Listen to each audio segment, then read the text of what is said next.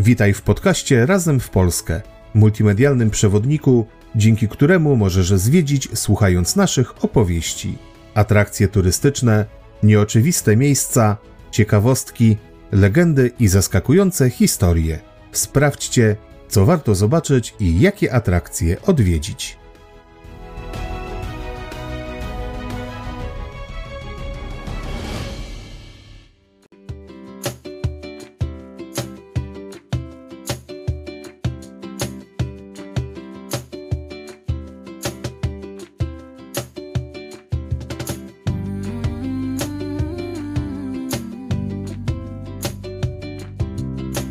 Jakie skarby skrywają podziemia Góry Szubienicznej? Skąd wzięła się fontanna Neptuna na rynku Jeleniej Góry? Jak wyglądała podróż tramwajem gazowym w górzystym terenie? W zamian za co jezuici podjęli się odbudowy najstarszego kościoła w mieście? W jak nietypowy sposób zginął kaznodzieja z kościoła łaski? I jak kosztowna była łaska cesarska? Opowiemy Wam o tym podczas wycieczki do stolicy polskich Karkonoszy.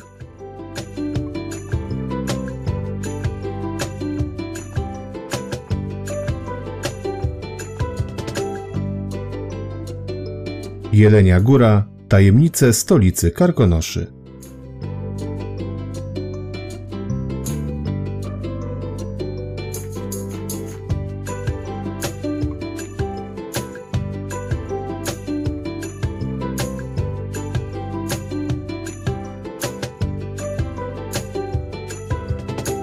Historia miasta, do którego Was dziś zabieramy, liczy przeszło 900 lat i zapewne dlatego należy do najchętniej odwiedzanych przez turystów miejsc w województwie dolnośląskim. Jelenia Góra, bo o niej tutaj mowa, przyciąga urokiem starówki pełnej klimatycznych kawiarni i restauracji, nowoczesnym muzeum i podziemiami pełnymi tajemnic i legend. Sprawdźcie z nami, jakie atrakcje warto zobaczyć w Jeleniej Górze.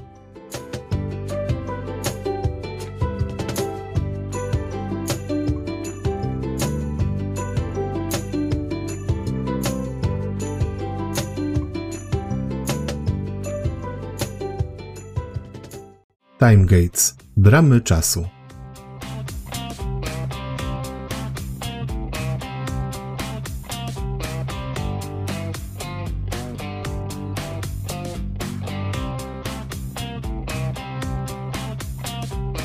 Zwiedzanie Jeleniej Góry zaczniemy od podróży w czasie i przestrzeni. Time Gates to miejsce, gdzie można wybrać się na wyprawę w głąb historii Dolnego Śląska. Podziemia Jeleniej Góry to blisko 4 km korytarzy wydrążonych pod Górą Szubieniczną lub jak kto woli wzgórzem Kościuszki.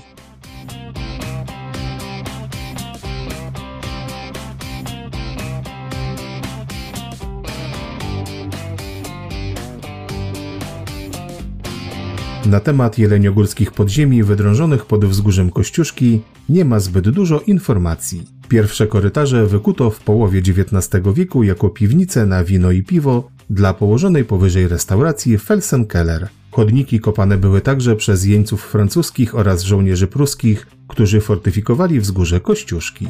Czasie II wojny światowej podziemia zostały rozbudowane. W ten sposób powstały schrony przeciwlotnicze mogące pomieścić 6 tysięcy osób. W okresie powojennym przez jakiś czas były tam magazyny centrali rybnej, potem działała dyskoteka, a obecnie jest Time Gates.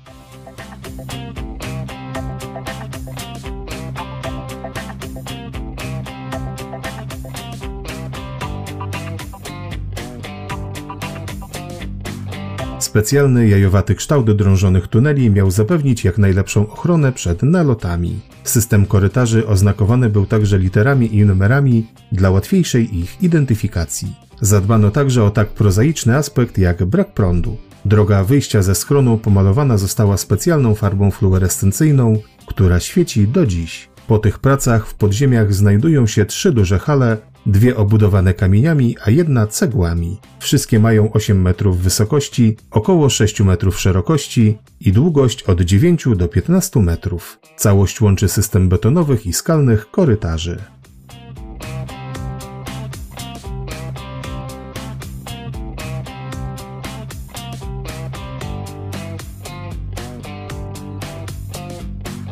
Jak przystało na dolnośląskie podziemia, nie mogło w nich zabraknąć ukrytych skarbów. Przypomina o tym słynny złoty pociąg wypełniony sztabkami drogocennego kruszcu. Ale podziemia w Jeleniej Górze mają także swoje tajemnicze skrytki. Jak wynika z relacji naocznych świadków, pod koniec II wojny światowej naziści ukrywali pakunki także w tunelach pod górą szubieniczną. Wielu mieszkańców przekazywało informacje o schowkach, w których ukryte miały być cenne rzeczy. Podczas prac badawczych wytypowano kilka miejsc potencjalnych skrytek, gdzie ściany były cieńsze lub różniły się kolorem zaprawy. Co w nich znaleziono, oto zapytajcie już przewodników po Time Gates.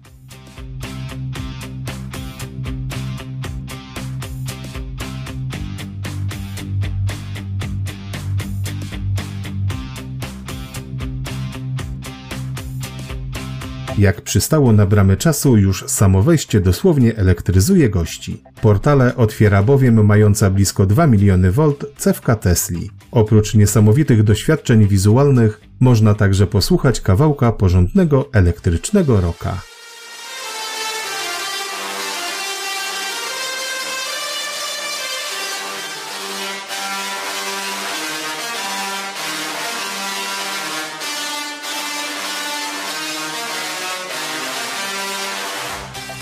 Kolejne pomieszczenia, po których wędrujemy, przenoszą w ważne i tajemnicze momenty historii Dolnego Śląska, choć nie brakuje także legend związanych z regionem. Spotkacie tu legendarnego ducha gór strzegącego największych tajemnic i skarbów sudeckich oraz zielarki znające nie tylko lecznicze właściwości endemicznych roślin, górników wydobywających szlachetne metale i promieniotwórcze rudy uranu, są tu także żołnierze napoleońscy próbujący zdobyć dolnośląskie twierdze a po przeciwnej stronie minerzy, drążący wielometrowe tunele służące do podkładania ładunków wybuchowych pod oblegające oddziały.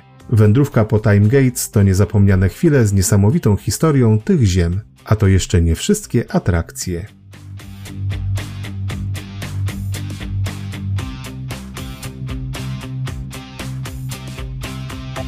Time Gates to także niesamowite pokazy naukowe dla całych rodzin. Zastanawialiście się kiedyś, co się stanie, gdy ktoś zupełnie przypadkowo obleje was kubkiem ciekłego azotu, albo jak smakuje zanurzony w nim kukurydziany chrupek. Nic straconego. Wesoła, choć może lekko szalona pani alchemik pokaże wam cuda, które wam się nie śniły. Konwencja lekko szalonego pokazu oczaruje każdego bez względu na wiek. Tak sobie pomyśleliśmy, żeby w naszych czasach w ten sposób uczono chemii i fizyki, chyba zamiast tłuc się po Polsce, siedzielibyśmy w laboratorium pracując nad jakimiś epokowymi miksturami. No cóż, ale przynajmniej teraz mogliśmy zrelaksować się i posłuchać naukowych ciekawostek przekazywanych w luźnej atmosferze.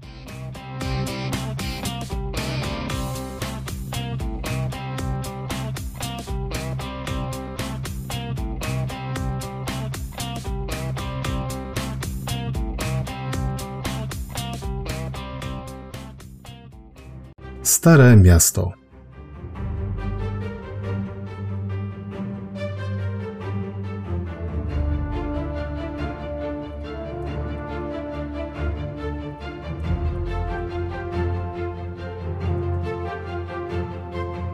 Jak głosi legenda, Jelenia Góra została założona w 1108 roku przez Bolesława Krzywoustego. Gdy przemierzał wraz z przyjaciółmi Bory nad Bobrem, napotkał na swojej drodze dorodnego jelenia. Książę nie mógł zaprzepaścić takiej okazji i rzucił się za nim w pościg. Gdy dzień chylił się ku zachodowi, udało mu się dopaść zwierzę na jednym ze wzgórz. Jednak gdy spojrzał jeleniowi w oczy i dostrzegł łzy, poczuł ogromny żal. Postanowił więc ku pamięci zwierzęcia założyć u stóp wzgórza gród, który nazwał Jelenia Góra.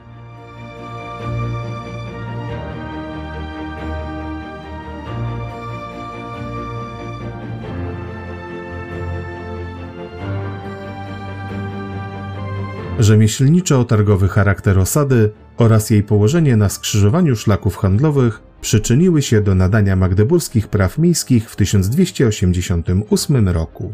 Przez kolejne lata miasto otrzymywało od śląskich władców liczne przywileje, a w kolejnych stuleciach zasłynęło z wyrobu i eksportu płótna, górnictwa i hutnictwa. W 1392 roku Jelenia Góra przeszła pod panowanie Czech, a w 1527 po śmierci króla Ludwika ostatniego z Jagiellonów na tronie czeskim miasto znalazło się w granicach monarchii Habsburgów.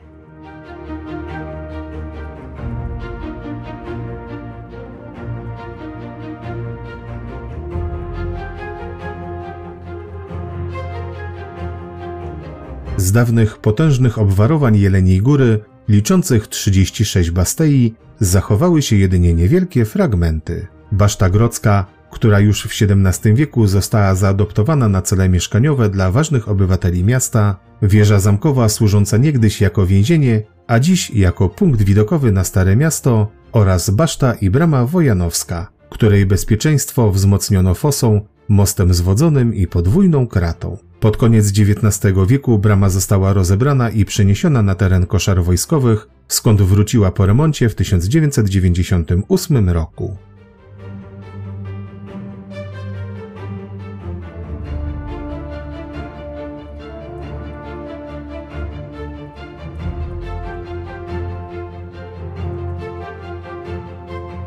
Rozwój miasta przerwała wojna trzydziestoletnia, jednak i ten kryzys miasto przetrwało dzięki produkcji płócien lnianych zwanych woalkami. Handel nimi okazał się na tyle zyskowny, że Jelenia Góra szybko stała się jednym z najbogatszych miast na Śląsku. Zbrojne przejęcie regionu przez Prusy w XVIII stuleciu oraz konkurencja angielskich przędzalni doprowadziły do upadku tkactwa, przez co ucierpiało także miasto.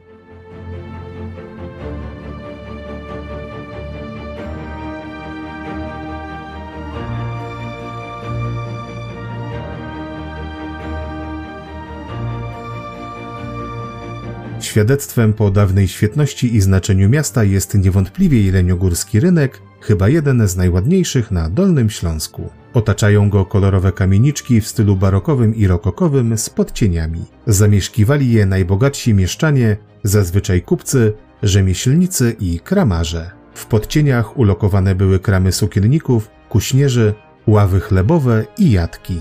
Część z nich to oryginalne budowle pochodzące z XVII i XVIII wieku, jednak ich bogate zdobienia zostały usunięte podczas rekonstrukcji pozostałych kamienic w latach 60. i 70. XX stulecia.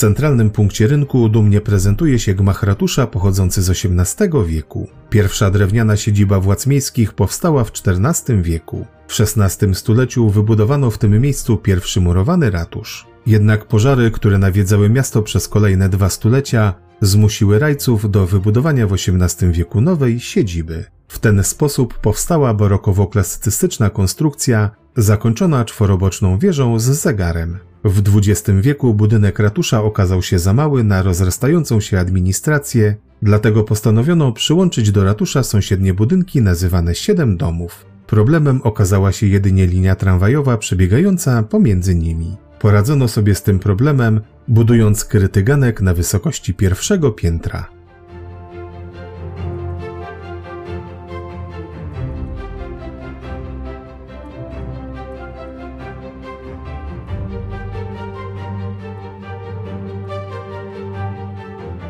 Wiek XIX przyniósł rozwój przemysłu i turystyki w Kotlinie Jeleniogórskiej, co znacznie poprawiło sytuację miasta. Do Jeleniej Góry przyjeżdżało coraz więcej gości. Na ich potrzeby wznoszono hotele i pensjonaty, otwierano restauracje. Rozwój turystyki oraz budowa połączenia kolejowego z Berlinem i Wrocławiem zaczęły stwarzać problemy z przemieszczaniem gości, których konne omnibusy nie były w stanie obsłużyć. Dlatego postanowiono w 1897 roku uruchomić pierwszą linię tramwaju gazowego z dworca kolejowego do uzdrowiska w Cieplicach. Niestety ich moc okazała się za słaba, a podróżni musieli wpychać pojazdy pod większe wzniesienia, których na trasie nie brakowało. Dlatego już rok później zapadła decyzja o przebudowie linii na elektryczną, która ruszyła w 1900 roku. Popularność tego środka lokomocji stała się tak duża, że uruchomiono dodatkowe linie do Sobieszowa i Podgórzyna. Planowano także budowę kolejnych linii,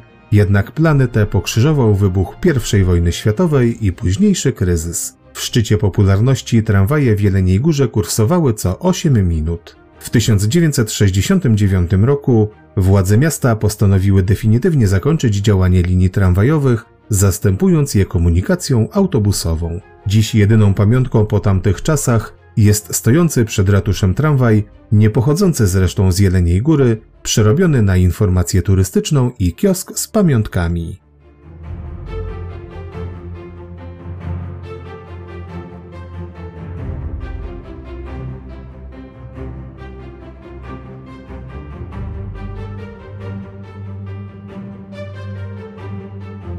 W czasie II wojny światowej miasto nie doznało żadnych zniszczeń, zostało zajęte dopiero po kapitulacji. Ludność niemiecka została wysiedlona, a w ich miejsce pojawili się repatrianci ze wschodu. Powojenny rozwój miasta nie wpłynął na zachowane zabytki, których w obrębie Starego Miasta zostało całkiem sporo.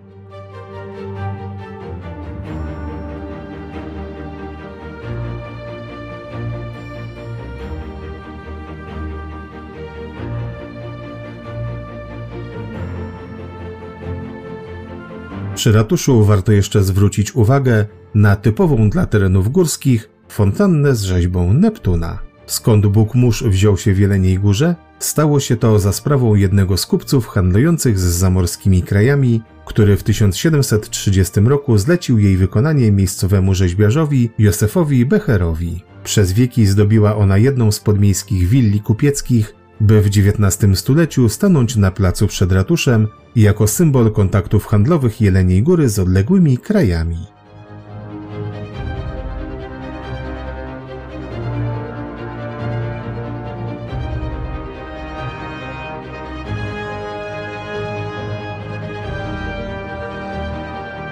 Rzeźb i instalacji artystycznych na Jeleniogórskim Starym Mieście nie brakuje. Znajdziecie tu m.in. słynnego szczudlarza, umiejscowionego na jednym z narożników ratusza. Wykonał go w 2013 roku ormiański artysta Wahan Bego i stanowi nietypowy pomnik największego w Polsce przeglądu teatrów ulicznych. Dziełem tego samego autora jest także powstała na dziesięciolecie Polski w Unii Europejskiej rzeźba Porwanie Europy, znajdująca się przy ulicy Pocztowej. Nie można zapomnieć także o jelonkach, których w mieście znajdziecie całkiem sporo.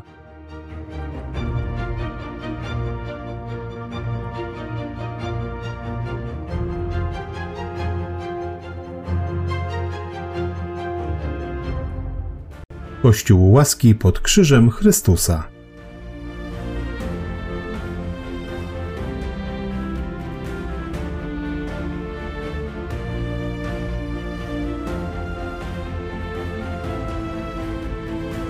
Kościół łaski pod krzyżem Chrystusa był największym spośród sześciu luterańskich kościołów łaski, wybudowanych na mocy porozumienia między królem szwedzkim Karolem XII a cesarzem Józefem I Habsburgiem w 1707 roku. Było ono kontynuacją pokoju westfalskiego, próbującego przywrócić protestantyzm w katolickich Niemczech. Łaska cesarska tania jednak nie była. Kosztowała mieszczan 770 tysięcy złotych guldenów. Lobbying króla szwedzkiego też nie był bezinteresowny, choć 200 tysięcy guldenów nie robi już takiego wrażenia. Jedynie mieszczanie, mimo że wyniszczeni wojnami, wznosili swoje świątynie na chwałę Pana.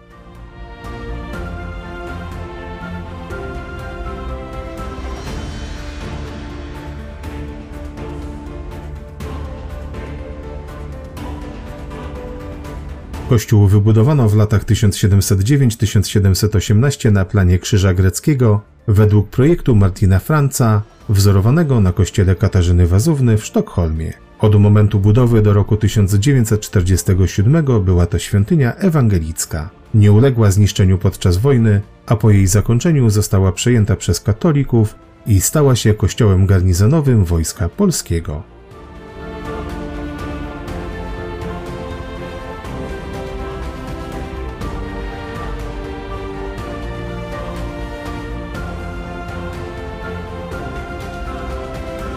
Gdy w 1990 roku spłonął doszczętnie pierwowzór, kościół świętej Katarzyny w Sztokholmie, Szwedzi mieli kłopot z odtworzeniem go, dopiero wizyta w Jeleniej Górze, dokładne pomiary i badania architektoniczne pozwoliły im odbudować kościół dokładnie tak, jakim był oryginalnie.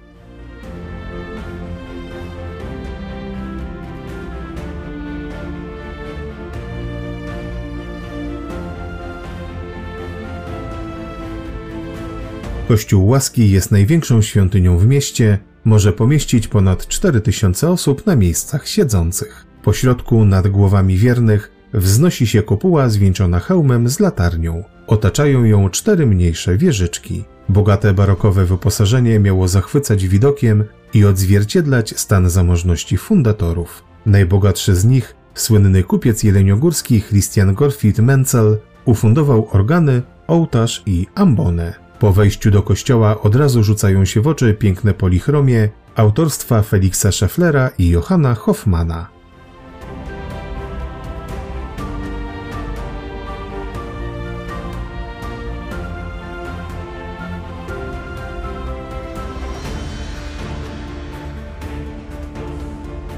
Pozostałe wyposażenie kościoła łaski robi także niesamowite wrażenie. Przepiękna XVIII-wieczna ambona powstała z jednego bloku piaskowca. Związana z nią jest ciekawa historia, ale o niej za chwilę. Ołtarz główny jest dziełem Dawida Hischlera z Jeleniej Góry. W jego centrum znajduje się obraz Chrystusa na Górze Oliwnej w otoczeniu figur świętych. Nad ołtarzem znajduje się prospekt organowy. Organy Jeleniogórskiego Kościoła Łaski są uważane za wyjątek tego typu w skali kraju, ponieważ gra na nich symuluje całą orkiestrę symfoniczną. Instrument został zbudowany w 1727 roku i posiada 4571 piszczałek.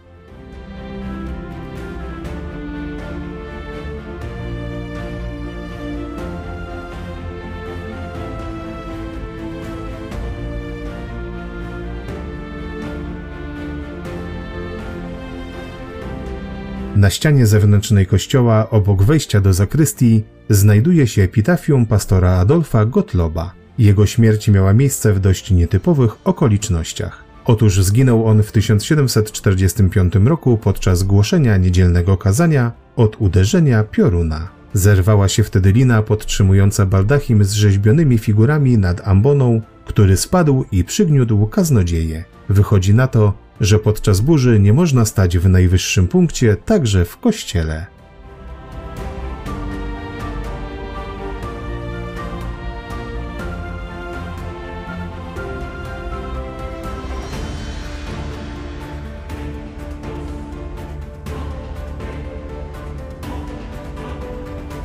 Ciekawy jest nie tylko kościół i jego wnętrze, ale również otoczenie. Cały kompleks parafii oprócz kościoła składał się ze szkoły, domu pastora, domu kantora i budynków gospodarczych. W latach 1717-1770 powstał w jego otoczeniu cmentarz możnych rodzin z Jeleniej Góry, na którym znajduje się 19 kaplic grobowych i właściwie każda z nich to oddzielna opowieść. Niestety po 1945 roku duża część z nich została splądrowana i zniszczona. Obecnie trwają prace restauracyjne, przywracające kaplicom dawny wygląd.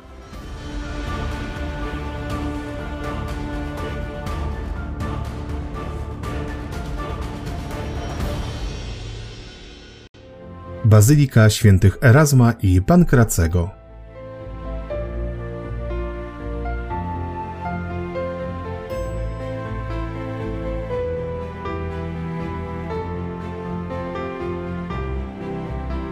Bazylika świętych Erasma i Pankracego to najstarsza i jednocześnie najważniejsza budowla sakralna Jeleniej Góry. Po raz pierwszy pojawia się w dokumentach z 1228 roku. Po pożarze w XIV wieku powstaje nowy budynek kościoła wznoszony etapami do XV wieku. Po wojnie trzydziestoletniej i zniszczeniu patronat nad świątynią w zamian za różne przywileje od władz miejskich obejmują jezuici, którzy przystępują do odbudowy kościoła.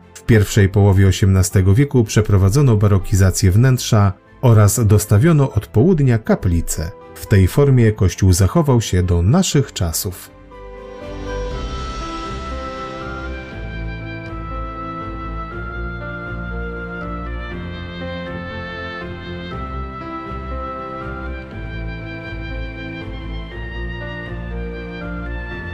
Kościół wzniesiono z kamienia w formie trzynawowej bazyliki zwieńczonej wieżą. Do dziś podziwiać można liczne gotyckie detale kamieniarskie, najlepiej zachowane w portalach i obremieniach okiennych. Dominującym elementem wnętrza jest niezwykle bogaty i monumentalny XVIII-wieczny ołtarz główny projektu norweskiego rzeźbiarza Tomasa Weisfelda. Ponadto niezwykle cenne są pochodzące z tego samego okresu organy, wykonane w warsztacie włoskiego organmistrza Adama Kasperiniego. Nieco wcześniejszymi elementami wyposażenia są pochodzące z XVI wieku ambona i intarsjowane stalle.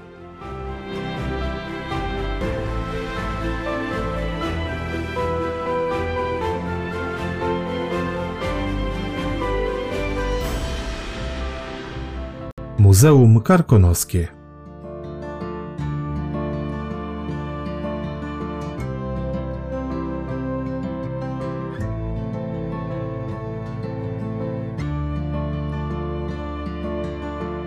Muzeum Karkonoskie otworzyło swoje drzwi dla zwiedzających w 1914 roku. Skupiało się ono na prezentacji dorobku rzemieślniczego i kultury regionu Karkonoszy. Profil ten zmienił się w czasie II wojny światowej, kiedy zaczęło spełniać głównie rolę propagandową, działając w Związku Muzeów Ojczyźnianych. Po zakończeniu wojny pełniło przez trzy lata rolę składnicy muzealnej, gdzie przechowywane były m.in. obrazy Jana Matejki. Do swojej pierwotnej funkcji powróciło w 1949 roku.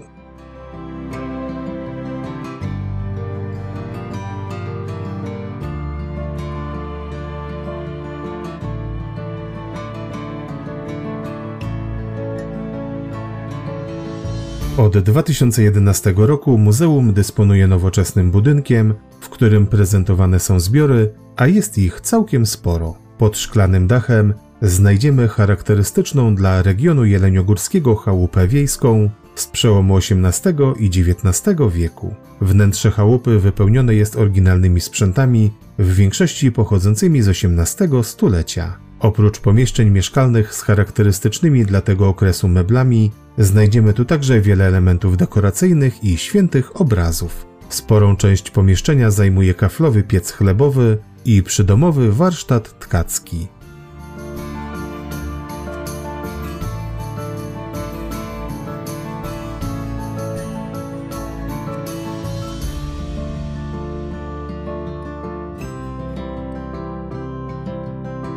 Spora część zbiorów muzeum dotyczy dziejów regionu Jeleniej Góry, od czasów najdawniejszych, przez złoty okres średniowiecza, na trudnym okresie powojennym kończąc. Zobaczycie tu, co przyczyniło się do rozwoju miasta, jakie znaczenie miały związki kupieckie i jak żyło się mieszczanom w czasach rozkwitu miasta. Pokazane są również trudne lata powojenne, gdy po wymianie ludności Jelenia Góra kształtowała się na nowo.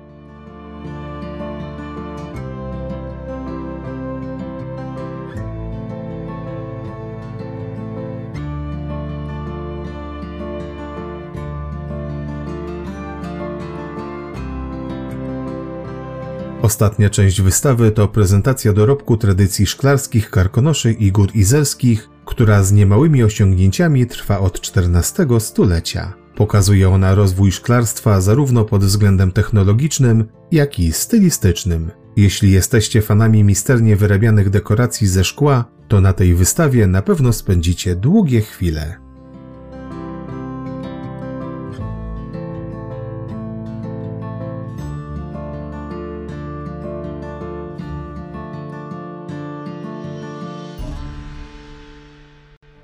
Muzeum Historii i Militariów.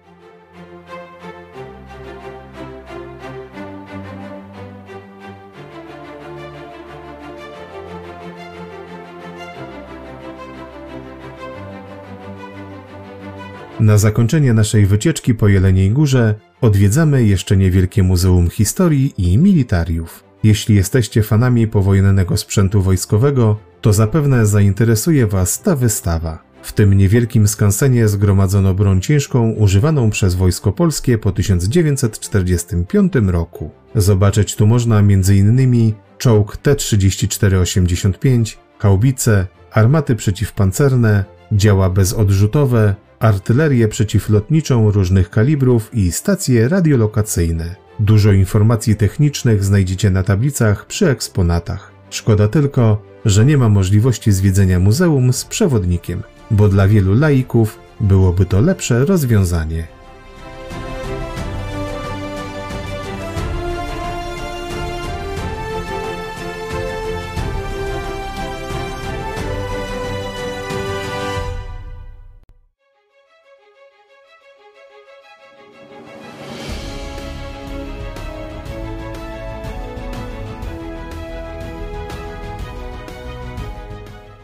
To już koniec naszej dzisiejszej opowieści. Przypominamy, że wszystkie atrakcje, o których tu dziś słyszeliście, możecie obejrzeć na naszym kanale Razem w Polskę na YouTube oraz przeczytać o nich w serwisie wypoczywamywpolsce.pl. Zapraszamy na kolejne nasze podcasty.